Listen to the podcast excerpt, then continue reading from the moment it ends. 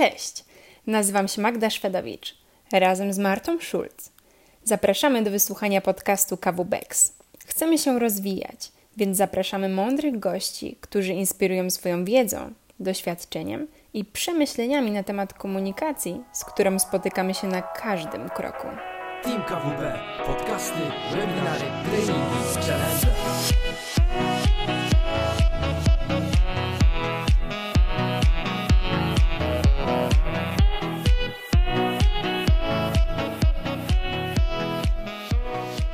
Was serdecznie. Dzisiejszym naszym gościem jest Mateusz Kot. Od 8 lat związany z KWB, początkowo jako student, teraz już jako wykładowca. Był liderem Bifora KWB w 2016 roku. Jest zaangażowany w życie uczelni, wspiera akcję Wsparcie dla Szpitala, o której dzisiaj troszkę nam opowie. Jednym z jego zainteresowań są filmy i to o nich przede wszystkim dzisiaj porozmawiamy. Dziękujemy Ci, Mateusz, że z nami jesteś. Dzień dobry, cześć. E, Bardzo mi miło, że tu jestem. Ale powiem Wam, że e, jestem zaskoczony, że tak szybko jestem tutaj zaproszony. Trochę presję czuję. Trze- Trzeci odcinek, e, no ale pierwsze koty za płoty, tak? Że ja nastawiam się, że to będzie rozmowa, a, a nie generowanie jakiegoś super kontentu przeze mnie, bo inaczej słuchacze mogą się zawieść. Nie, będzie bardzo dobrze, a też mega się, bardzo się cieszymy, że Ty właśnie z nami jesteś, ponieważ jesteś tą jedną z osób, które w społeczności KWB są dosyć znane, bo też organizowałeś Bifora i też zostałeś tutaj na uczelni na KWB i zawsze wspierasz, angażujesz, więc też nie przez przypadek Cię zaprosiliśmy do jednego z pierwszych odcinków. Spoko, bardzo mi miło. No i nazwisko zobowiązuje. No Kot, właśnie, pierwsze nie? za płoty, no, nie mogło spoko. być inaczej. To na sam początek opowiedz nam proszę o akcji Wsparcie dla Szpitala. W jaki sposób to organizujecie i w jaki sposób w ogóle działa ta akcja, jak wspieracie? Wsparcie dla szpitala to jest akcja pomocy w tym dzisiejszym kryzysie organizowana przez Uniwersytet Ekonomiczny w Poznaniu, Fundację Park i firmę informatyczną Klors. W tym momencie zaangażowanych jest chyba ponad 40 osób, w tym ja. Całość polega na tym, że powstała platforma internetowa, na której szpitale, e, ale też domy pomocy społecznej, e, inne jednostki, które, które walczą na tej pierwszej linii frontu, mogą zgłaszać swoje zapotrzebowania na artykuły ochronne, odzież ochronną, czy, czy nawet takie rzeczy jak e, butelki z wodą, jakieś posiłki. Darczyńcy, firmy z całej Polski mogą tą pomóc, pomóc te jednostki. Odbywa się to w ogóle w bardzo taki zorganizowany sposób. Jest sieć koordynatorów, którzy właśnie pomagają szpitalom, bo, bo cała idea jest taka, żeby pomagać mądrze, żeby te szpitale nie były obciążone tym, że, że teraz muszą odbierać pełno telefonów i koordynować to. E, Właśnie od tego jest ta platforma i od tego jest cały ten system. A moja rola przy tym jest taka, że ogarniam grupę bardzo fajnych wolontariuszy. E, Na ten moment wszyscy są z KWB, trzeci i drugi rok.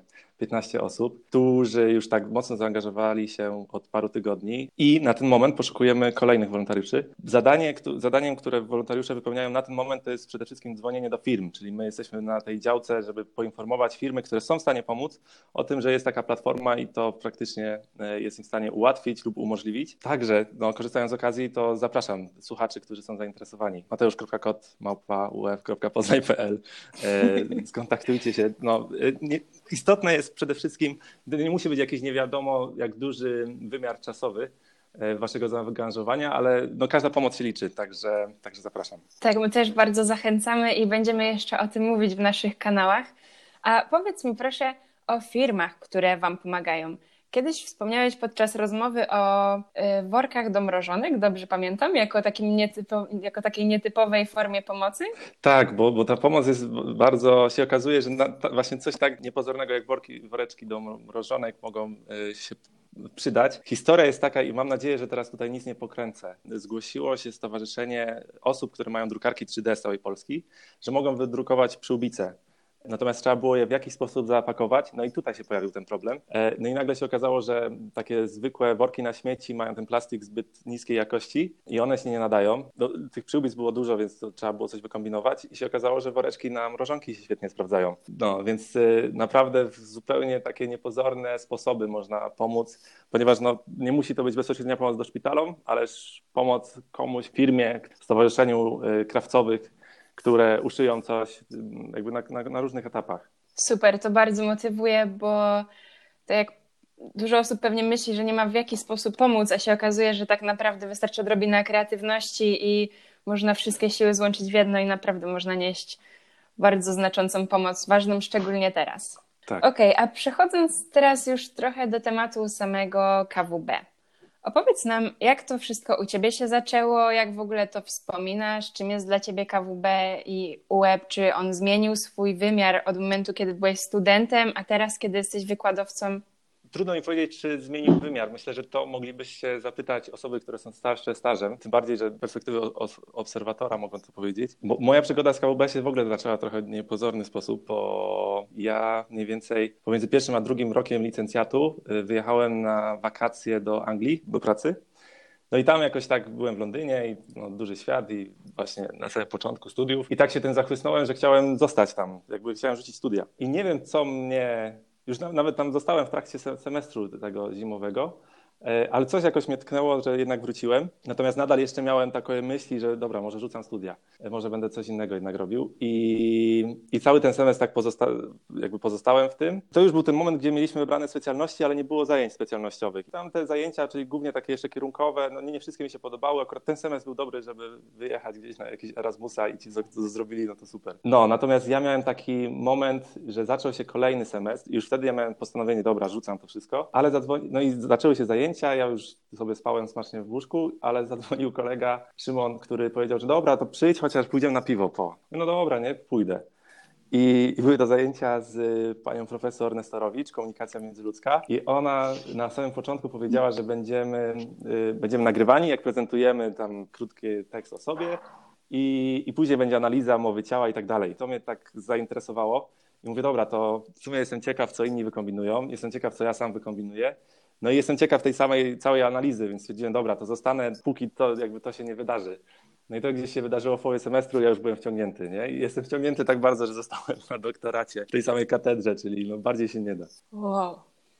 Myślę, że trzeba podziękować pani Nesterowicz za to, co zrobiła. Tak, pozdrawiamy. pozdrawiamy. dziękuję. Taka głęboka historia, tak bym to nazwała, bo to był taki pewnie moment przełomowy.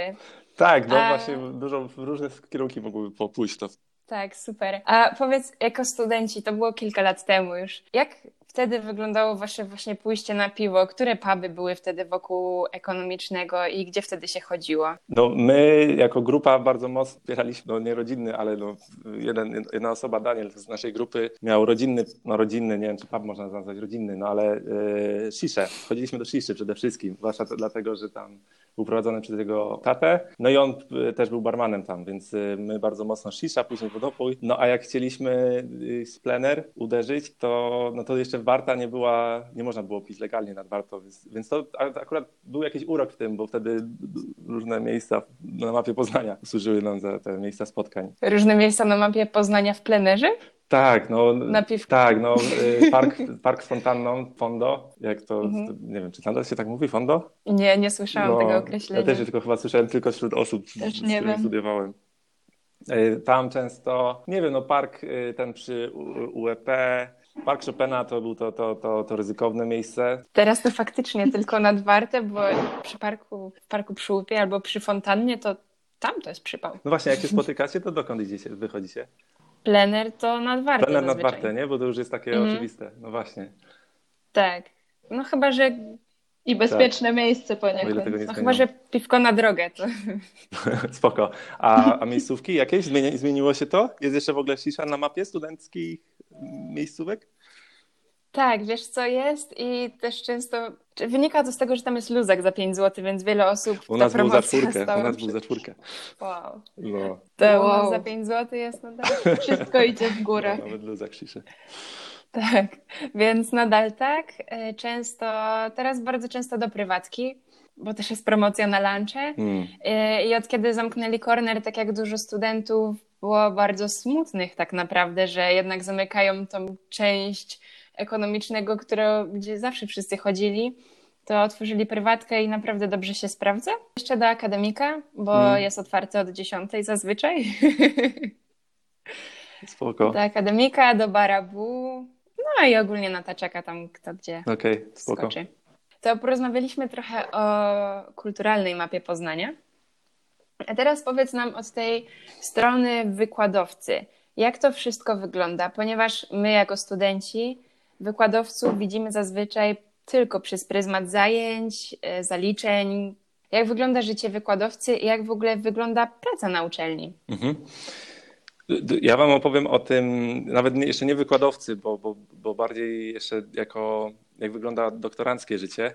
No i, i tak jak właśnie powiedziałaś, yy, bardzo mocno widoczna jest tak część wykładowa, ale ona to jest tak naprawdę, nie wiem, może 30% czasu. Oprócz tego no bardzo dużo to jest ta praca naukowa nad doktoratem, nad jakimiś koncepcjami i badaniami i dodatkowymi artykułami. No ale jest to jakby styl życia bardzo taki zróżnicowany, bo z jednej strony jest moment, kiedy się siedzi samotnie w bibliotece, później nagle się występuje na jakiejś konferencji naukowej przed dużą grupą osób i się prezentuje jakieś swoje pomysły.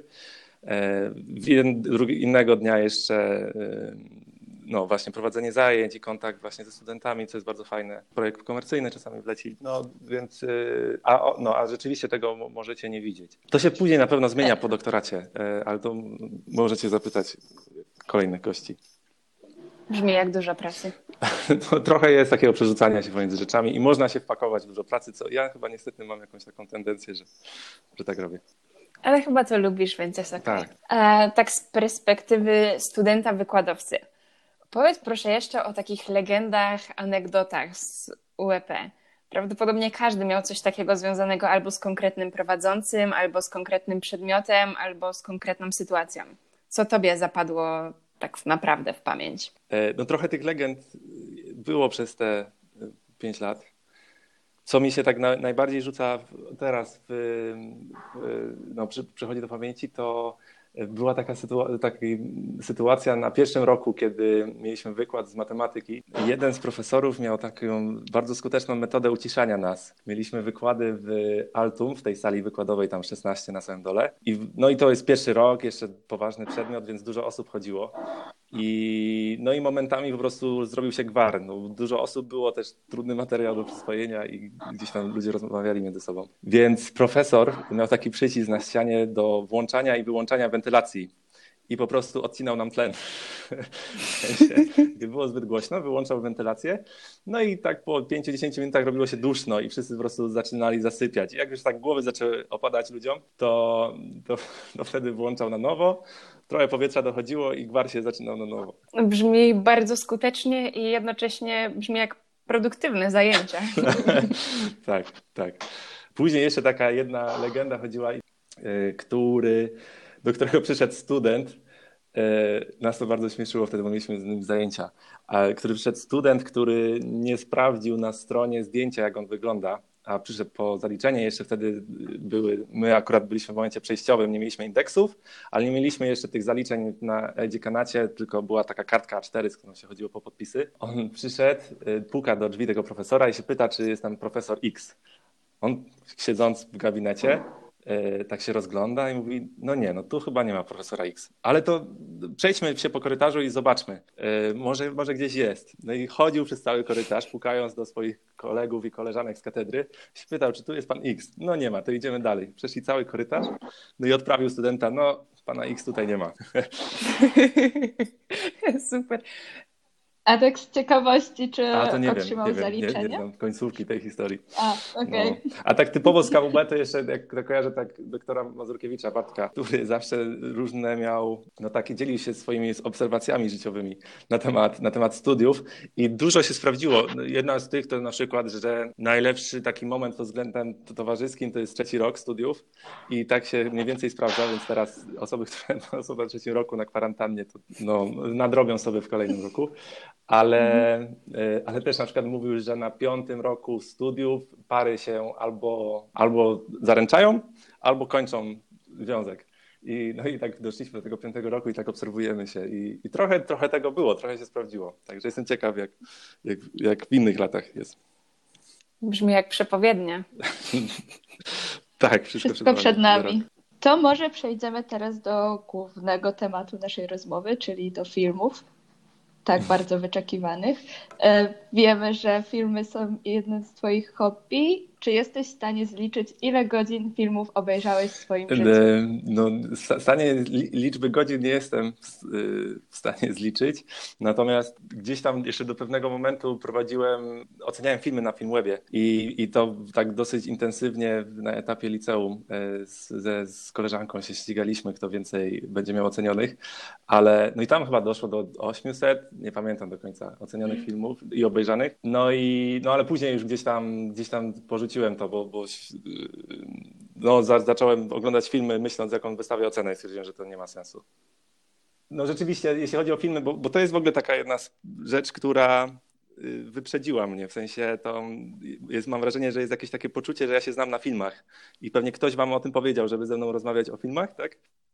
No, no trochę tych rzeczy jest, wiesz, yy, wzrost, że dużo jem, jakiś taki sposób myślenia i wypowiedzi chaotyczne, chociaż chyba to się poprawiło. Ale, no, ale to są rzeczy, które gdzieś tam żyją poza mną i, i, i różnych rozmiarów osiągają. Więc znajomi też mnie pytają często, tak jakbym, jakbym się znał na filmach, a, a ja bardzo subiektywnie odbieram.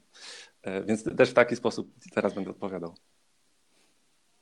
Dobrze, no chyba nie ma osoby, która jest w pełni obiektywna co do filmów. Ale teraz możemy przejść do kolejnego pytania, czyli jakie są twoje ulubione filmy Mhm. i dlaczego? Z takich ulubionych filmów, które teraz mi mocno przychodzą do głowy, to filmy bracia, braci Dardenne, dwójka reżyserów z Belgii, o ile się nie mylę. I ostatnio taki film mnie zachwycił kilka lat temu. Dwa dni, jedna noc z Marią Cotillard, w której ona traci pracę i no, jest w trudnej sytuacji i musi, czy jest jakiś moment taki, gdzie może stracić pracę i musi przekonać współpracowników, żeby żeby wstawili się za nią. I oni mają bardzo fajny w ogóle sposób prowadzenia filmów. Kamery, długie ujęcia, jest bardzo dużo takiego nastawienia na te relacje międzyludzkie. Także ten film jakoś mocno mi zapadł w pamięci. Ostatnio jeszcze przed kwarantanną byłem dwukrotnie na Nędznikach, francuski film z poprzedniego roku. Dawno mnie żaden film nie trzymał tak w napięciu, do tego stopnia, że w ogóle jak siedziałem, zwłaszcza za pierwszym razem, chociaż za drugim razem i tak czułem ten napięcie. Czułem w sali, że ludzie też są tacy napięci i, i wychodziłem w ogóle z spoconymi dłońmi, bo, bo w takim momencie się w ogóle kończy. Wow, ale to brzmi jak wspaniała polecajka tak naprawdę. Jeżeli ktoś idzie dwa razy na filmy i mówi, że jest zachwycający, to Tak, ale z drugiej strony też robi takie podbudowanie do filmu, że, yy, że może ktoś mieć zbyt duże oczekiwania, nie? Mm, Później Mandarynki. Yy, film właściwie o wojnie, ale z perspektywy nie żołnierzy, którzy walczą, tylko no, ludzi, którzy próbują żyć na terenie objętym wojną. E, no, przejmujący. E, no i później tak na koniec chyba już coś bardziej spokojnego, Patterson, coś zupełnie od, odwrotnego. O, No właśnie, bo ty też się Patterson. interesujesz filmami, nie Marta? Tak. Tak, trochę. E, no i co myślisz o Pattersonie? Bardzo mi się podobał wizualnie. Mam plakat w pokoju. Codziennie na Ja niego mam, ja mam patrzę. taki mały, jak można zabrać, wiecie, taką malutką ulotkę Pattersona no, z kina. Tak, tak. Bardzo mnie wzruszył ten film. No niesamowite jest ten, ten, ten spokój, jaki z niego bije, nie? Jakby takie... Tak, ale jednocześnie mnie na przykład nie Mhm. nudził ten film, bo myślę, że on ma takie tempo, że mógłby kogoś nudzić. E, Jednak ta, ta akcja nie rozgrywa się jakoś tak szalenie. Trzeba się nastawić, że to jest film na Ale chillowanie. jedno... Tak, Tak, dokładnie. no i A, ale jednocześnie rola Adama Drivera była wtedy pierwszy raz w sumie o nim usłyszałam i bardzo mi się spodobał jako aktor też. no więc- super zagrał. Fajne, w tym filmie tak jest takie, e, podoba mi się ten, no, taki, dla mnie ten film jest o tym, że e, jak można piękno znaleźć w takich bardzo codziennych, zwyczajnych, nie? Oni tam nie mają ekscytującego życia, jakby w żadnym, co tam ekscytujące, to że autobus się zepsuł, którym prowadzi, którego prowadzi, nie? A coś pięknego gdzieś tam znalazł. Tak. Także polecamy Pattersona dla wszystkich, którzy chcą odnaleźć trochę piękna I spokoju na ten, w tej kwarantannie. Tak. Co jeszcze możemy polecić, o czym chwilę rozmawialiśmy, zanim zaczęliśmy nagrywać podcast, to jest festiwal We Are One.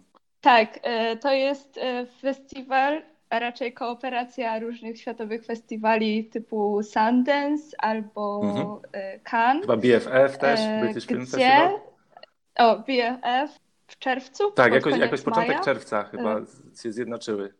Na początku czerwca Tak. będzie można obejrzeć, chyba to będzie trwało tydzień, może trochę dłużej. Każdy z festiwali będzie ustawił swój program. Na razie te programy nie są e, znane. Wszystko będzie się odbywać na YouTubie i wszystko ma być za darmo. Także jest to niesamowita okazja, żeby no mamy nadzieję, mam nadzieję, że to w ogóle jakieś świeże będą rzeczy, nie? Takie. E, no i całość jest właśnie pod tym, żeby, żeby wpłacać pieniądze na, na walkę z COVID. Jeszcze ciekawą rzeczą jest udostępnienie wielu filmów dokumentalnych przez Dog Against Gravity. Tak, słyszałem o tym. Na Ninatece. To chyba będzie od 8 maja. To musicie szybko się zmobilizować, żeby wejść na Dogs Against Gravity. Dokładnie. Widziałam, że w ofercie jest tam na przykład mhm. Kraina Miodu. Bardzo ja właśnie słyszałem opinię, że, że, że nie zachwycił, ale, ale obejrzałbym, więc może. Trzeba sprawdzić. Trzeba sprawdzić, także od 8 maja tak, możemy to i zrobić. To jest w ogóle też fajny moment, żeby powiedzieć, jak dużo jest takich inicjatyw w tym momencie, że festiwale się przenoszą mm -hmm. do, do internetu. Shortways przecież wystawiał filmy krótkometrażowe na Facebooku, które można obejrzeć i sama mówiłaś, że jakiś pokaz chyba był, nie? W którym tak. można było uczestniczyć. Oprócz tego no właśnie, bo to jeszcze, jeszcze Marta, teraz odwrócę trochę e, rolę, bo ja Ciebie zapytam, e, bo dowiedziałem się, że studiujesz od tego roku na wiedzę o teatrze też na UAM-ie. O tym jestem mega ciekaw, jak to wygląda e, i czy jesteś zadowolona. Mm, natomiast no, mówię o tym też dlatego, że formy teatralne się robią też ciekawe. Nie wiem, czy, czy widziałyście gdzieś na YouTubie, gdzie aktorzy czytają jakiś spektakl i bardzo fajnie to wychodzi. Tak, teraz jest wiele inicjatyw e, teatralnych i tak naprawdę można obejrzeć w ogóle dużo spektakli takich starszych i nowszych, nawet takich, które już nie były grane. Są one udostępniane za darmo, bądź e, można wpłacić cegiełkę.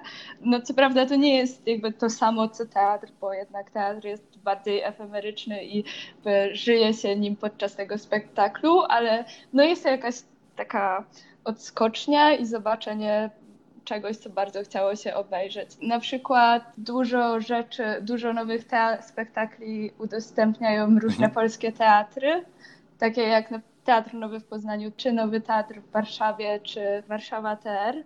E, ale też można znaleźć dużo takich klasycznych rzeczy, które są udostępniane przez opery w Paryżu czy Berlinie. Także jeżeli ktoś ma czas, to Super. Można sobie A powiedz coś o, o studiach, wiedza o teatrze. Co, co, co tam się dzieje ciekawego? Bardzo mi się tam podoba. No jest to bardzo fascynujący kierunek dla osób, które się interesują kulturą i teatrem. Mamy e, kilka przedmiotów, a dokładniej dwa, które jakby dotyczą mm, ruchu i fizyczności, ale mamy również dużo rzeczy teoretycznych, gdzie na przykład przez cały semestr rozmawialiśmy o teatrze w starożytności, czy też y, o tym, jak rozpoczął się w ogóle teatr. Mamy zajęcia ruchowe, na których głównie ćwiczymy naszą fizyczność i integrację ze sobą. To jest jakby pierwszy etap tych zajęć, żeby dobrze się porozumiewać jakby nie tylko głosem, ale również y, y, ciałem. No i w planach jest stworzenie etiud, które być może kiedyś wystawimy. Spoko, bardzo ciekawie. A jak już jesteśmy w takim temacie kulturalnym, to czy czytasz coś tak, właśnie teraz? i to mogę polecić, chociaż jestem na dwusetnej stronie, a książka ma chyba tam ponad 700, więc jeszcze może się coś tam zmienić, ale jestem zachwycony książką e, Wyznaję Cabrę. Niesamowita jest pod względem, ona jest w ogóle też tak mm, pozycjonowana jako jakiś taki niesamowity sposób, gdzie książka jest trochę napisana, jakby ktoś pisał symfonię, ponieważ bardzo istotny jest w niej rytm i autor odszedł od jakichś takich typowo edytorskich zabiegów, że na przykład zdanie się zaczyna od myślnika. Nie? Jest, czasami jest tak, że są zdanie i nawet nie ma przecinka i nagle jakby z opowieści narratora przechodzimy na wypowiedź, a później nagle z, z takiego narratora, który, który jest wszechobecny i jakby wszystko ogarnia, przechodzimy na myśli wewnętrzne któregoś z bohaterów i to też się różni. E, on potrafił, potrafi, jakby potrafił w książce napisać e, takie zdania, że początek się dzieje w, w czasach współczesnych, a, a końcówka zdania już jest przeniesieniem do średniowiecza tak fajnie rytmem operuje. Ja myślałem w ogóle, że wiecie, zobaczę, no, widziałem opis i że ja tego nie ogarnę. Po pierwsze, że to jest zbyt trudne do, w odbiorze, albo, albo że po prostu nie będę tego widział a on jakby tak w sumie zaawansowany jakiś zabieg nie wiem, pisarski, edytorski, no, no, nie wiem, jakąś taką koncepcję swoją wymyślił. I tak fajnie to wprowadził w tej książce, że, no, że ja to czytam jakbym oglądał film. Cały czas w ogóle coś się dzieje, cały czas jest dynamika, bo bo, bo, bo, bo właśnie, bo przerzuca się pomiędzy różnymi czasami, trzeba bardzo uważnie to czytać i no i no nie wiem, nie, nie spotkałem się z niczym tak, takim wcześniej, a jednocześnie jest to zrobione, że nie tylko forma jest super, tylko też treść jest bardzo interesująca, no i rzeczywiście to wciąga. A, a ten rytm powoduje, że jakby ona się nie nudzi, bo cały czas jest na wysokich obrotach. Także super, polecam, wyznaję kabrę. Nie, nie wystraszcie się, mówię do słuchaczy teraz, że, że jest taka gruba, e, bo, bo, bo czytając już się ma tam po 200 stronach, że jest taki o smutek, że to się kiedyś skończy. E, przynajmniej ja tak mam. Wow. Zarzuciłem wow. trochę informacjami.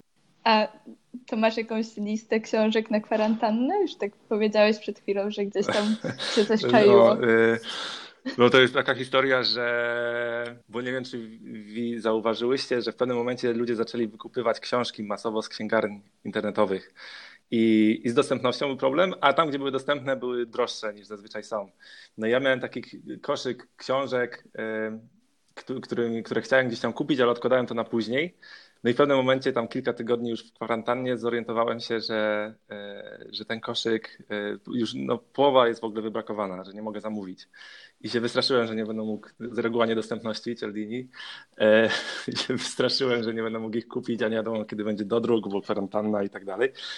I słuchajcie, kupiłem 10 książek równocześnie, a zresztą teraz te kabre to w ogóle nie było na liście i, i, i czytam zupełnie coś innego. Natomiast no, no przesadziłem. Kupiłem tak impulsywnie 10 książek. Książki, które kupiłem były na liście, bo jest coś takiego jak Instytut Reportażu w Warszawie i to mniej więcej jest mhm. kurs roczny, taki, taki zaoczny, gdzie ludzie, którzy chcieliby zostać reporterami, y, y, pisać reportaże, y, mogą się uczyć od takich no, topowych polskich autorów, którzy piszą właśnie literaturę faktów. I tam była lista lektur. Ja po tej liście lektur, tak mnie to zainteresowało, sobie wybrałem te najciekawsze reportaże, wszystko w ogóle w jednym klimacie. No i no kiedyś to jakby przeczytam to, nie? Mam nadzieję. Ale to jest fajny case reguły niedostępności, że można wiecie, nawet gdzieś tam mi się zdarza powiedzieć o tym na zajęciach, a... Tak, e... będąc wykładowcą można tak, no. samemu to, to, zrobić. Co do reportaży, to polecam ci Którą? Filipa Springera. 12 nie uciekniesz. Okay. To jest reportaż o prawie Jante y, chyba w Danii. Teraz mogę się pomylić, więc wybaczcie wszyscy ci, którzy wiedzą. Jest bardzo ciekawy i jest też ciekawie napisany, ponieważ opowiada o różnych y, historiach gdzieś mhm. dotyczących mhm. tego prawa Jante i jednocześnie bardzo szybko się czyta. Ale jeżeli na przykład jest się fanem architektury głównie polskiej, to on też ma reportaże o na przykład Ja, ja wczytałem Wannę z kolumnadą. E, to było dosyć e. ciekawe.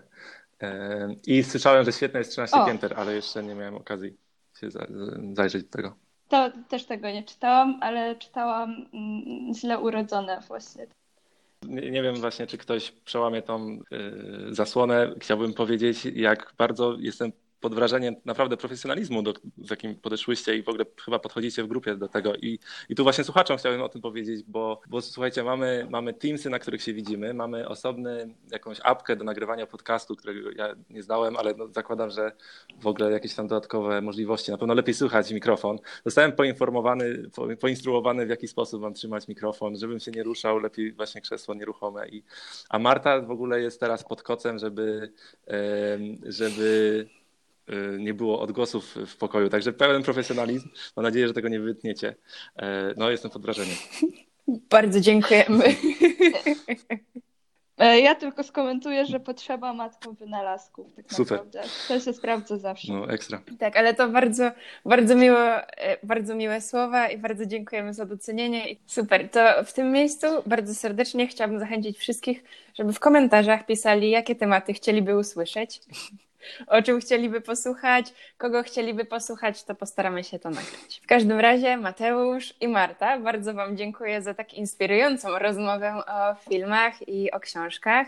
Stworzyła nam się naprawdę bogata lista polecanych filmów i książek, także postaramy się wszystko spisać, żeby każdy mógł się zainspirować. E, Zachęcamy oczywiście do śledzenia naszych fanpage'y na Facebooku, zarówno Before, jak i Fury Szczęścia oraz konta na Instagramie Team KWB. Wtedy będziecie na bieżąco ze wszystkimi naszymi wydarzeniami i nowościami, które dla Was szykujemy. Zachęcamy też do słuchania naszego podcastu, który dostępny jest na Spotify'u oraz na Google Podcast. Dziękujemy, że z nami byliście i do usłyszenia. Cześć.